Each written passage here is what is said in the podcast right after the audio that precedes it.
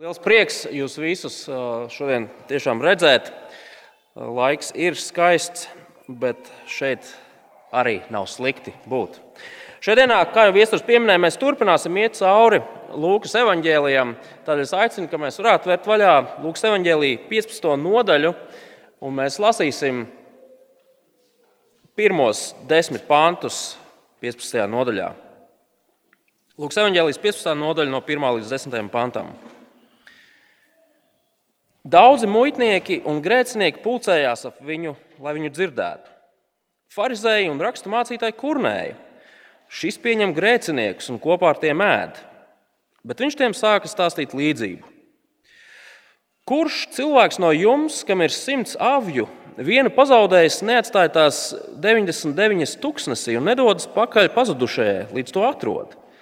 Un atrada savi Viņš to ceļ uz saviem pleciem, priecādamies, un pārnācis mājās, sasauc draugus un kaimiņus, un tiem saka, priecājieties līdz ar mani, jo es esmu pazudušo avi atradis. Es jums saku, tāpat arī debesīs būs lielāks prieks par vienu atgriežušos grēcinieku nekā par 99 taisnajiem, kuriem atgriešanās nav vajadzīga. Vai arī kāda sieviete, kurai pieder desmit drachmas, ja tā vienu pazaudē, Vai viņi neiededz lukturi un neizmēž māju un rūpīgi nemeklē, līdz to atrod? Atradusi to, viņa sasauc draugus un kaimiņus un saka, priecājieties līdz ar mani, jo esmu atradusi drachmu, ko bija pazaudējusi. Es jums saku, tāpat ir prieks Dieva eņģeļiem par vienu atgriezušos grēcinieku. Tas ir kunga vārds šai dienai. Lūksim, lai pats kungs arī mums palīdz to saprast. Dabas Tēvs, mēs Tev pateicamies, ka mums ir dota jauna iespēja nākt kopā, klausīties un domāt par Tavu vārdu. Mēs atzīstam, ka mūsu izpratne, mūsu atziņa ir nepilnīga un arī negribīgas tik bieži ir mūsu sirdis. Tādēļ lūdzam, palīdz, lai mēs varētu šo Tavu vārdu saprast un strādāt arī pie mūsu sirdīm. To visu mēs lūdzam Kristus vārdā. Amen.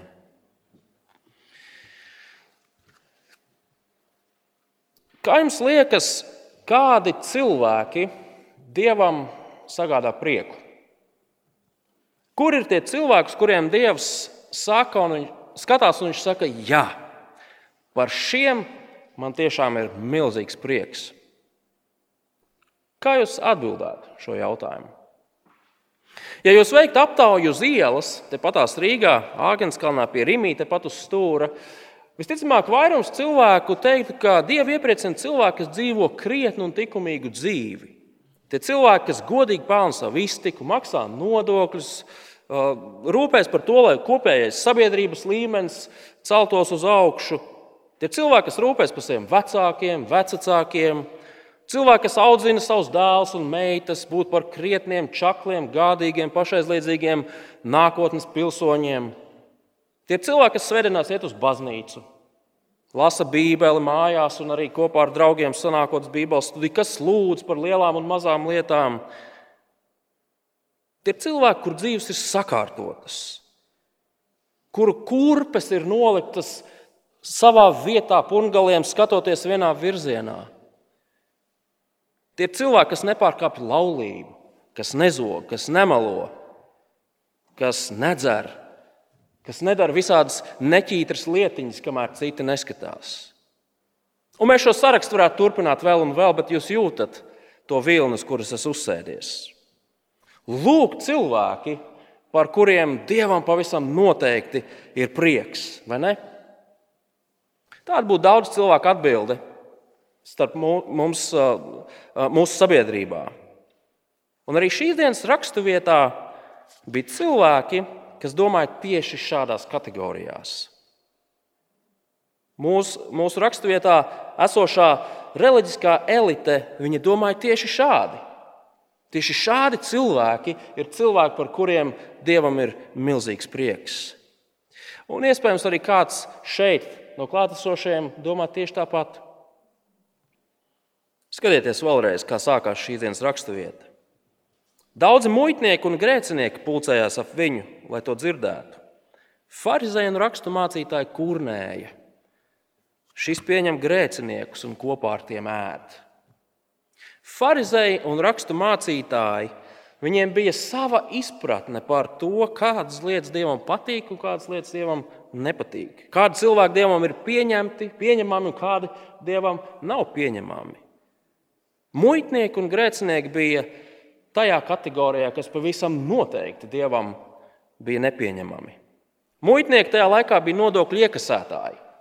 Tie, kas strādāja okupantu Romas impērijas labā un vāca nodokļus. Un viņiem bija ļoti slikta slava. Viņi nebija tā kā mūsdienu vidu darbinieki, kas ik pa laikam aizsūta nevain, nevainīgu atgādinājumu, ka nodokļi ir jāsamaksā. Un beigās, jau, protams, viņi ņem arī pie dziesmas. Viņi bija tie, kas braukā ar lieliem džipiem, ar tumšiem logiem. Viņi daļu no savāktās naudas paturēja sev. Nevienam viņa nepatika. Daudz viņus ienīda. Un grēcinieki, protams, tas liekas paskaidrojums neprasa. Grēcinieki bija visi tie, kas daudz un dažādu iemeslu dēļ tika uzskatīti par, par dieva, dievam nepatīkamiem cilvēkiem. Viņi nedara pareizās lietas. Viņi nedara to, ko Dievs savā vārdā ir atklājis. Viņi nedara vēl vairāk to, ko farizēji uzskata par to, kas cilvēkiem būtu jādara. Un rakstu mācītāji noteikumos balstītajā reliģijā nebija nemaz tik grūti nonākt grēcinieku sarakstā. Draugi, pēc farizēju domām Tādam cilvēkam kā Jēzus, tik gudram, tik zinošam, tādam, kurš saka, ka Dievs ir viņa tēvs, viņam taču vajadzēja zināt labāk. Dievam šādi cilvēki nepatīk Jēzu. Un katram sevi cienošam pilsonim vajadzētu vairīties no šāda cilvēka kompānijas. Bet es redzēju, ko Jēzus dara. Jēzus ir priecīgs, ka viņi nāk un klausās. Vēl vairāk Jēzus ar viņiem kopā ēd. Sakiet, vai cilvēkam, kurš sev sauc par Dieva dēlu, nevajadzēja rīkoties kaut kā citādāk? Viņa rīcība ir skandaloza farizēju acīs. Jēzus, protams, atbild uz šo farizēju kurnēšanu, un viņš viņiem sāk stāstīt vairākas līdzības. Kopā viņš viņiem stāsta trīs līdzības, kas, kas atrodams 15. nodaļā. Šajā dienā mēs aplūkosim pirmās divas no šīm līdzībām. Un šīs līdzības ļoti pārsteidzošā veidā atbild uz jautājumu, kādi cilvēki dievam sagādā prieku. Par kādiem cilvēkiem Dievs patiesi un no sirds, ja tā par Dievu var teikt, priecājas. Dievam vislielāko prieku sagādā grēcinieki, kas atgriežas no saviem grēkiem. Skandalozā atbilde ir tāda, ka dievam vislielāko prieku sagādā cilvēki, kas spēj ieraudzīt savu grēku, atzīt to un saukt uz Dievu palīdzi glābt mani. Jēzus laika reliģiskajai elitei ir jāsaprot, ka Dievs vēlas būt attiecībās ar pazudušajiem cilvēkiem. Dievs mīl grēcinieku un vēlas darīt visu iespējamo, lai šo grēcinieku izglābtu. Aplūkosim šīs divas līdzības nedaudz tuvāk, un tad mēģināsim ieraudzīt to, cik ļoti labas ziņas patiesībā slēpjas šajās abās līdzībās. Vēlreiz izlasīsim pirmo līdzību. Viņš tev sāk stāstīt līdzību. Kurš cilvēks no jums, kam ir simts avju, viena pazaudējis, neatstāja tās 99 tūkstnesī un nedodas pakaļ pazudušajai, līdz to atrod? Un atradis āvi, viņš to uzceļ ceļ uz saviem pleciem, priecādamies, un pārnācis mājās, sasauc draugus un kaimiņus, un tiem saka, priecājieties līdz ar mani, jo es savu pazudušo āvi esmu atradis. Uz brīdi apstāsimies un, un, un pārliecināsimies, ka mēs saprotam to, kas šeit notiek. Aitu ganīšana nebija viegla nodarbe. It īpaši, ja tas bija jādara tuksnešainā un kalnēnā apvidū. Un kāds tur brīnums, ja ik pa laikam kāda aita pazūd. Kaut kur iekrīt, saules zvēri to aiznes un tā tālāk, un tā joprojām. Un tieši tā arī ir noticis šajā līdzībā. Cilvēki, kas spēj lietām pieiet analītiski, kas spēj izanalizēt risku, viņi teikt, ka šī, šīs līdzības gans nav pārāk prātīgs cilvēks. Kāpēc? Tāpēc, ka vienu avi meklējot, viņš atstāja diezgan riskantā situācijā tās 99, pareizi, tuksnesī, nevis kaut kādā drošā kūtī. Risks noteikti neatmaksājas. Turklāt, kādas ir garantijas, ka viņš to āvi atradīs? Tā aita iespējams jau sen ir apēsta vai iekritusi kaut kādā aizā un lauzusi sprandu. Vēl vairāk, gans turpat tumsu blandoties, viņš pats var savainoties. Un kā, kāds tad labums kādam? Un, draugi, te mums uzreiz ir jāsaprot kaut kas par līdzībām, kā žanru. Līdzību mērķis nekad nav ļauties tādai vispusē, vispusējai analīzei, kur katrai lietai ir perfekti jāatbilst kaut kādai lietai, kaut kādam skaidrojumam. Nē, līdzību nozīme ir ļoti vienkārša, ļoti skaidri izcelt, pat reizēm pārspīlēt, izcelt vienu lietu, kas klausītājiem ir jāsaprot. Un, ja runājam par šo līdzību, tad tā viena lieta, ko mēs redzam, ir gana neiedomājama lielā vēlme iet un sameklēt to pazudušo aitu. Mēs redzam absolūtu nodošanos, rūpes. Neviens risks nav par lielu, lai nedotos meklēt to pazudušo aitiņu. Protams, šī līdzība beidzas laimīgi. Aitiņa tiek atrasta, Gans to uzveļ uz pleciem, aiznes mājās, taču ar to viss nebeidzas, vai jūs pamanījāt? Gans sasauc savus draugus un kaimiņus un sarīko īstas svinības. Ja jūs esat nedaudz melna humora cienītāji, mēs varētu teikt, uzdot jautājumu, nu, ganiņ, kur tad aitiņu tu nokausi tagad, lai svinētu ar saviem draugiem aitiņas atrašanu. Bet mēs neiesim, neiesim tajā teritorijā. Lai kā, šāda svinēšana ir papildus izdevumi.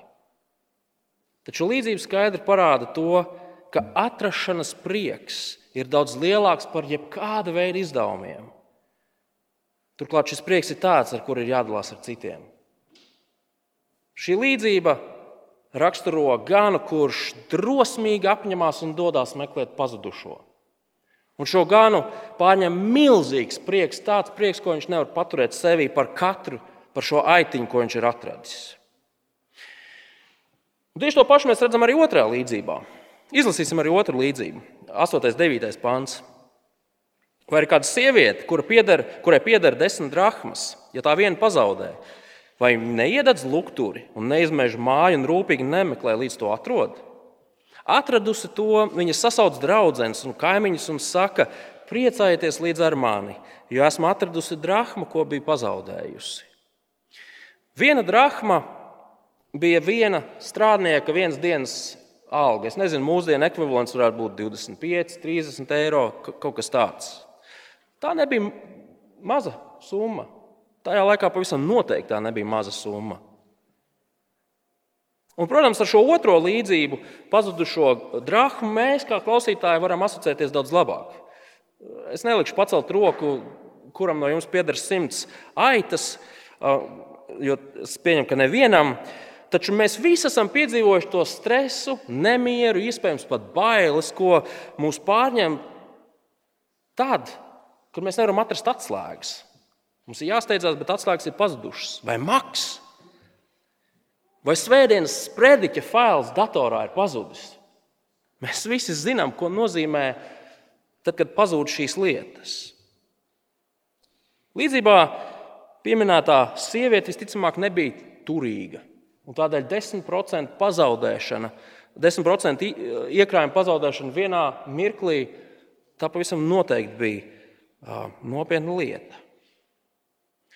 Bet viņai izdodas pazaudēto atrast. Viņa ieslēdz gaismu, iededz sveci, pareizāk teikt, būtu izslauka grīdu, visus pakšus iztīra un viņa atrod savu pazudušo. Un viņa par to paziņo savām kaimiņienēm, savām draudzenēm. Vai jūs tas nedaudz nepārsteidz? Tu atrodi kapeiku un tu sasauc radus un draugus un kaimiņus, lai visiem par to paziņotu. Lai cik svarīgi man arī reizēm neliekas tas, ka tiešām svētdienas sprediķis ir atradies un viņš ir izprintēts un viņš ir šeit uz, uz kanceles priekšā. Es nevienā brīdī nedomātu sasaukt savus kaimiņus un, un teikt, redz, es atradu.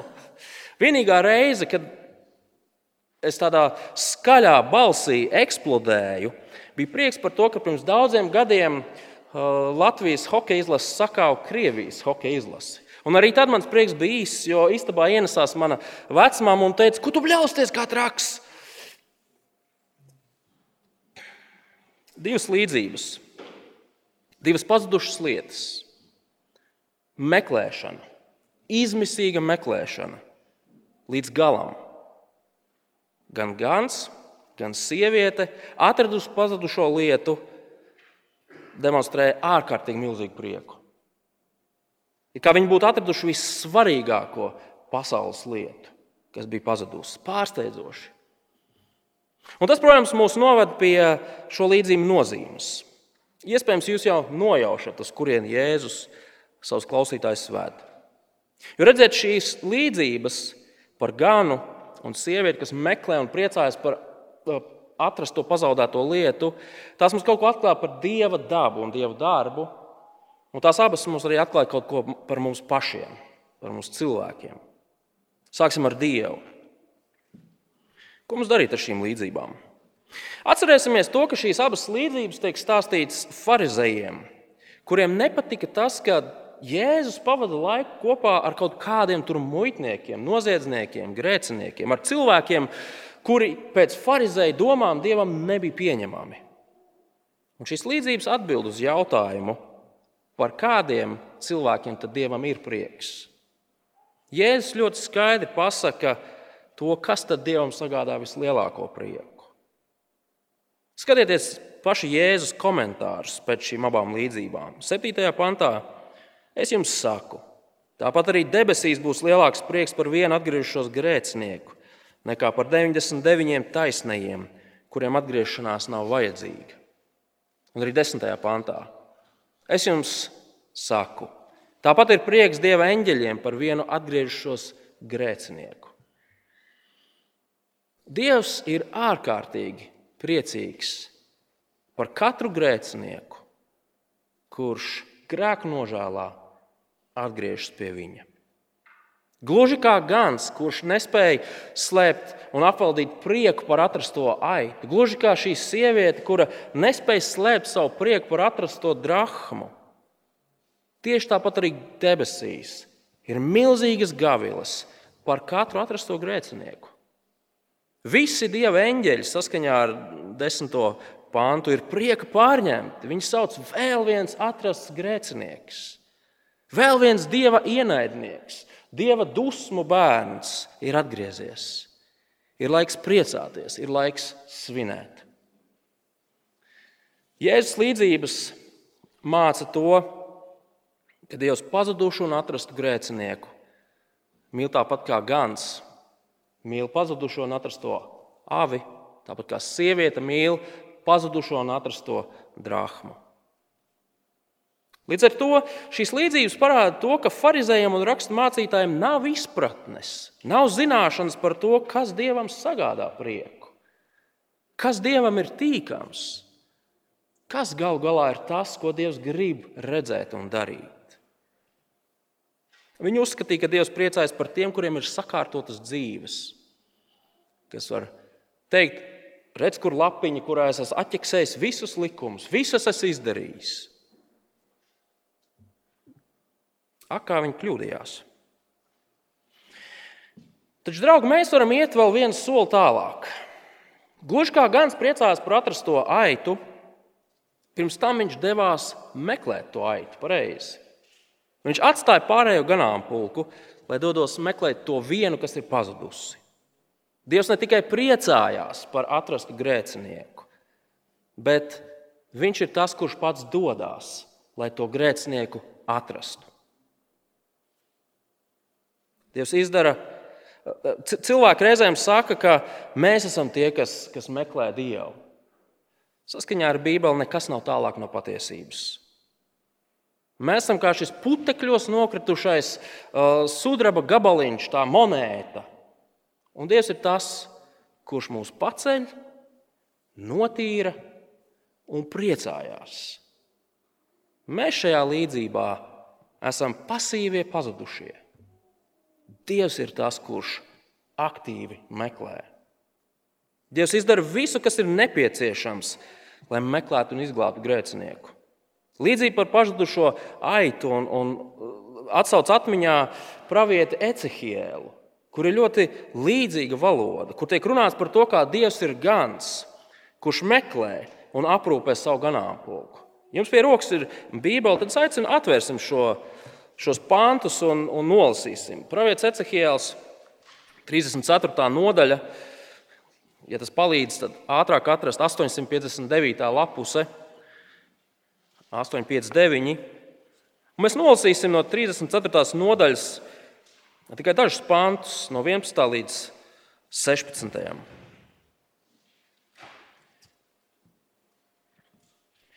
Jo tā saka Kungs Dievs, es pats meklēšu un vedīšu atpakaļ savu savis. Kā gans uzman savu ganāmpulku, kad viņš ir pie tā, tā es rūpēšos par savām avīm un aizvedīšu no visām vietām, kur tās noklīdušas tumšajās un mākoņainajās dienās. Es tās izvedīšu no tautām, un es tās sapulcināšu no valstīm. Es tās atvedīšu uz viņu zemi, un es tās ganīšu Izraēla kalnos un ielās, visās viņu zemes apdzīvotās vietās. Es tās vadīšu uz labām ganībām. Viņu gadījums būs Izraēla augstajos kalnos.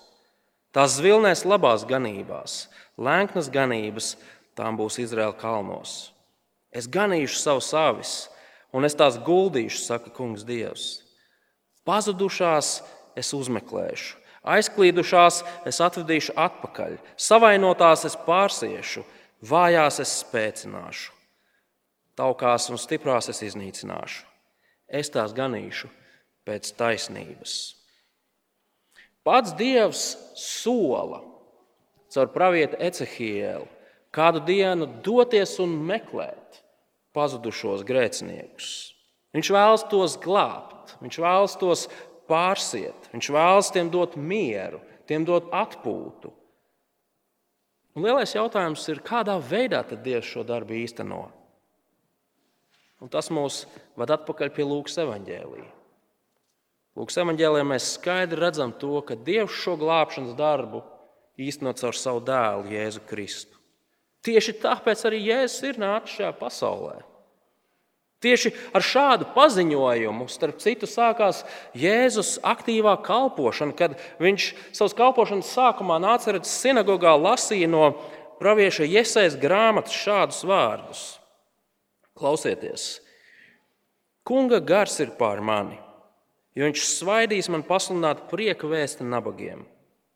Viņš ir sūtījis man dziedināt sirdīs satriektos, pasludināt atbrīvošanu gūstekņiem un akliem acu gaismu, salauztos darīt brīvus un pasludināt kunga žēlstības gadu.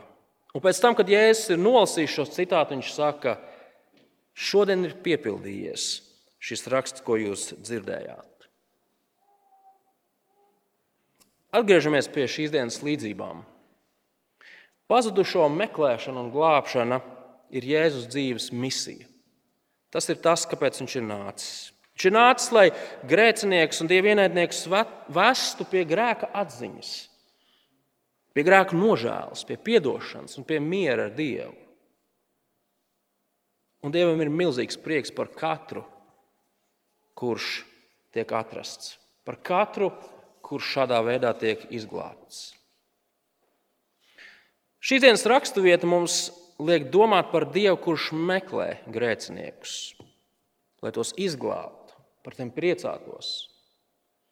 Sakiet, vai, vai jūs domājat par to ar kādu dedzību un kādu neatlaidību Dievs dodas, lai, lai mūs atrastu un izglābtu? Tās pazudušās aitas vietā vai tās pazudušās drachmas vietā jūs varat ierakstīt savu vārdu. Andris, Viestures, Mārtiņš, Anna. Dievs devās, riskējot ar visu, ja mēs tā varam teikt, lai mūs atrastu. Neviens risks nebija par lielu. Viņam bija milzīgs prieks to darīt. Vislielākais prieks. Brīnišķīgā žēlstība ir tāda, ka neviens grēcinieks nav par grēcīgu, lai Dievs viņu nevarētu izglābt. Nav tāda pagrimuma līmeņa, pie kura mēs varētu teikt, nu jā, nu te gan Dievs neko nevar vairs darīt. Draugi, tā nav. Nav nekā tāda. Vislielāko grēcinieku Dievs var izglābt. Dievs var parādīt žēlstību jebkuram. Domājot par šo raksturvietu, es atcerējos par kādu islāma valsts kaujinieku. Es neatceros viņa vārdu, iespējams, Muhameds vai Abduls, nebūšu tālu nošāvis garām, kurš bija kopā ar šiem kaujiniekiem, kas slepkavoja cilvēkus, pat kristiešus. Un kādu dienu viņš nāca pie ticības. Kādu dienu Dievs viņu izglāba. Pat islāma kaujinieku, kurš karsti deg par to, ka visi neticīgi ir jānogalina. Pat tādu cilvēku Dievs var izglābt. Dievs var izglābt jebkuru. Jebkuru grēcinieku Dievs var izglābt. Ja es esmu nācis pie mums salauztiem cilvēkiem, kas spītīgi cenšas dzīvot pēc sava prāta, kas spītīgi cenšas skriet savā virzienā, Viņš ir nācis pie mums apjukušiem cilvēkiem, šaubu nomāktiem cilvēkiem. Viņu neviens nav spiedzis to darīt. Viņu neviens nav pierunājis to darīt. Bet viņš to dara. Tāpēc, ka tāds ir mūsu Dievs. Viņš to dara labprātīgi un ar milzīgu prieku. Sakiet, vai jūs kādreiz esat domājuši par to, ka debesīs ir milzīgs prieks, tāpēc ka Dievs jūs ir izglābis. Nopietni. Vai mēs kādreiz tā domājam par sevi vai, vai par kādu citu? Bet tā ir patiesība. Mūsu glābšana ir milzīga prieka avots. Katrs izglābtais grēcinieks ir milzīga prieka avots. Katrs cilvēks, kurš no, no grēka varas un no nāves posta valstības tiek iecelts Dieva mīļotā dēla valstībā, sagādā milzīgu prieku. Jūs varat paskatīties reizēm, kā strādā glābēji. Vietās, kur teiksim, zemestrīcē ir nobrukušas mājas, kādu milzīgu prieku viņiem sagādā tas, ka viņi tajos grūvešos ir atraduši vēl vienu izdzīvojušo. Gavilas, smiekli, apskaušanās, viens otram dod pieci, aplausi, uzsaucieni. Vēl viens grēcinieks ir atrasts, vēl viens grēcinieks ir atrasts, vēl viens, vēl viens priecāsimies.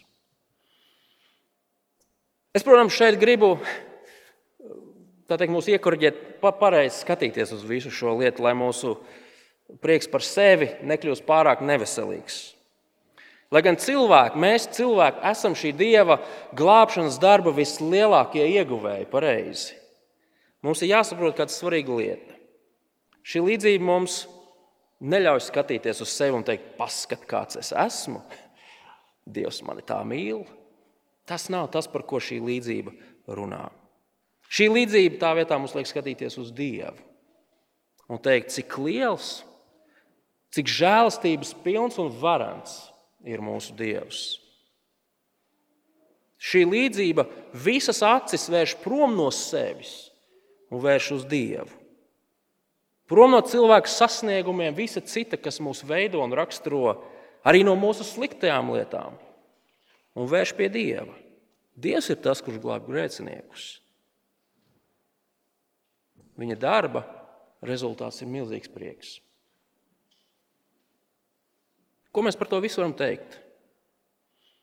Patiesībā vienīgā adekvātā reakcija uz šīm ziņām ir tas, ka mēs slavējam un pateicamies Dievam.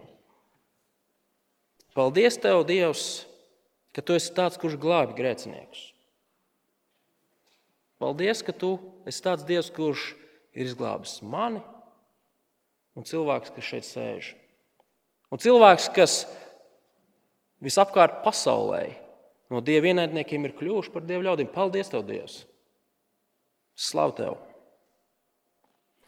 Visbeidzot, šīs abas līdzības kaut ko atklāja arī par mums pašiem. Un, un runa ir par vienu lielu vajadzību, kas mūs visus raksturo. Ieskatieties vēlreiz 7. pantā.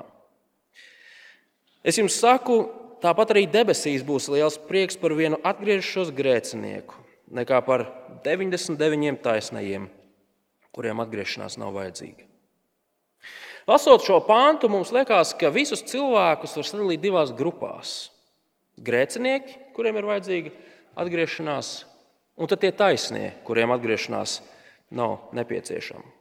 Un Jēzus laika reliģiskā elite sev pieskaitīja pie šīs otrās grupas. Mēs esam starp tiem 99 taisnajiem, kuriem atgriešanās nav vajadzīga. Bet tas svarīgais ir jautājums, uz kuru ir jāatbild šiem 99 taisnajiem.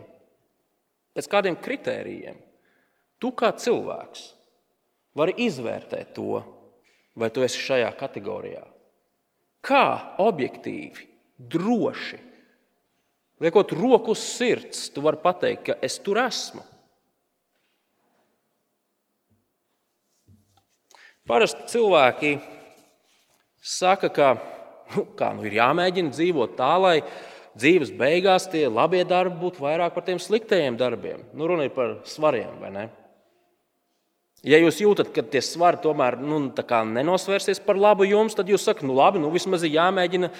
Nu, ja arī sanāk sliktas lietas darīt, tad nu, vismaz tā, lai nav sliktāk par citiem sliktajiem. Nu, lai mēs tā kā peldam virs viņiem. Vēl būs cilvēki, kas savā prātā mēģinās nodefinēt, nu, nezinu, kā tur tas Bībeles dievs, bet man liekas, ka dievs ir šāds un nu, tajā Un cilvēks sāk radīt kaut kādas savas dievības, kaut kādas savas sistēmas, kaut kādus savus standartus. Viņi saka, es esmu drošībā, tāpēc kā, un tad viņi sāk uzskaitīt. Bet tajā brīdī, kad šādiem cilvēkiem piesēžas un nopietni parunā, kā tu vari būt simtprocentīgi drošs, tad mēs piedzīvojam tos neveiklos klusuma brīžus, apskaukšanos. Bet tas tā nestrādā. Patiesība ir tāda, ka pilnīgi visiem cilvēkiem ir vajadzīgs atgriezties no grēkiem. Nav tādu cilvēku, kas paši par sevi vai kaut kādu savu sasniegumu dēļ, savu darbu dēļ, tāpēc, ka viņi ir piedzimuši pareizā laikā, pareizā vietā, pareizā ģimenē, nav automātisku taisno. Nav tādi, kas ar savu rosīšanos var teikt, tagad es esmu beidzot iekāpis tajā 99 taisno kategorijā. Pravietis Iesai saka, mēs visi esam noklīdušas avis. Katrs iet savu ceļu.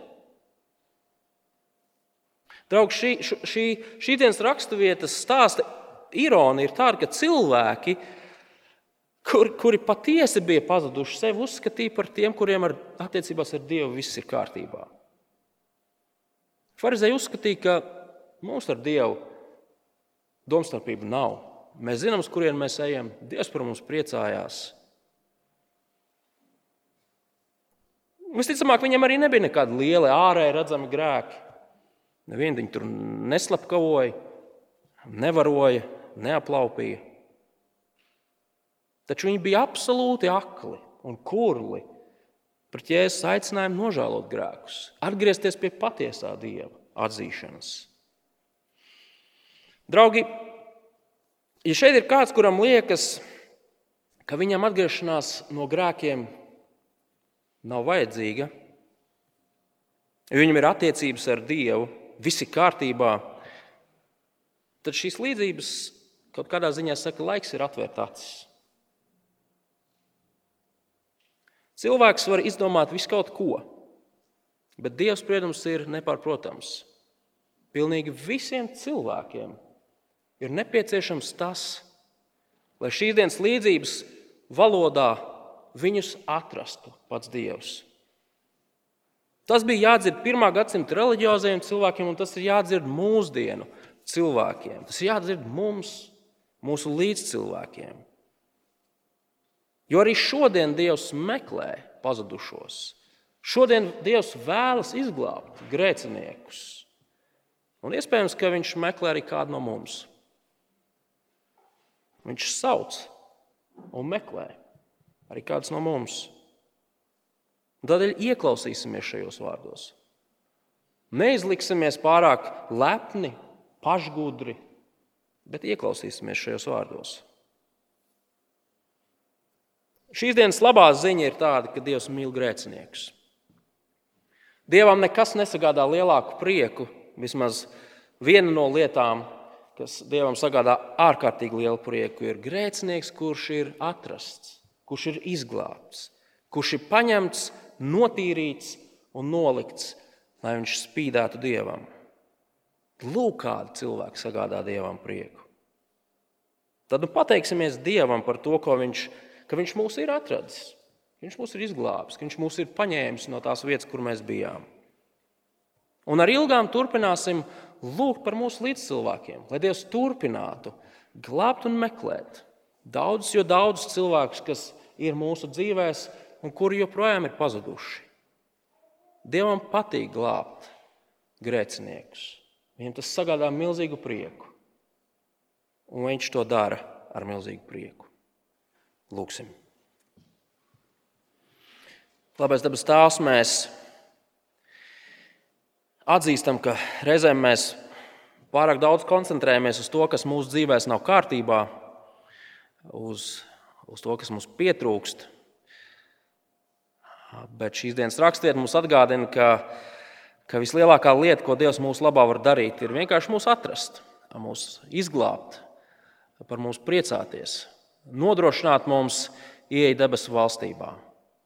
Dabas tās mēs esam tādēļ pateicīgi Tev par to, ka Tu esi tieši šāds Dievs.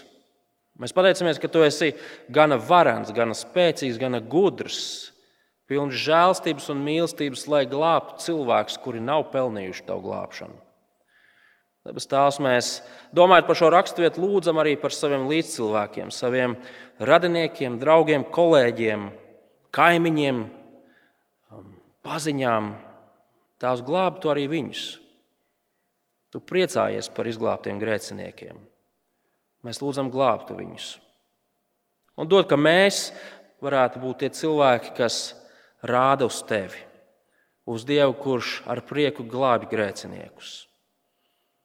To visu mēs lūdzam Jēzus vārdā. Amen.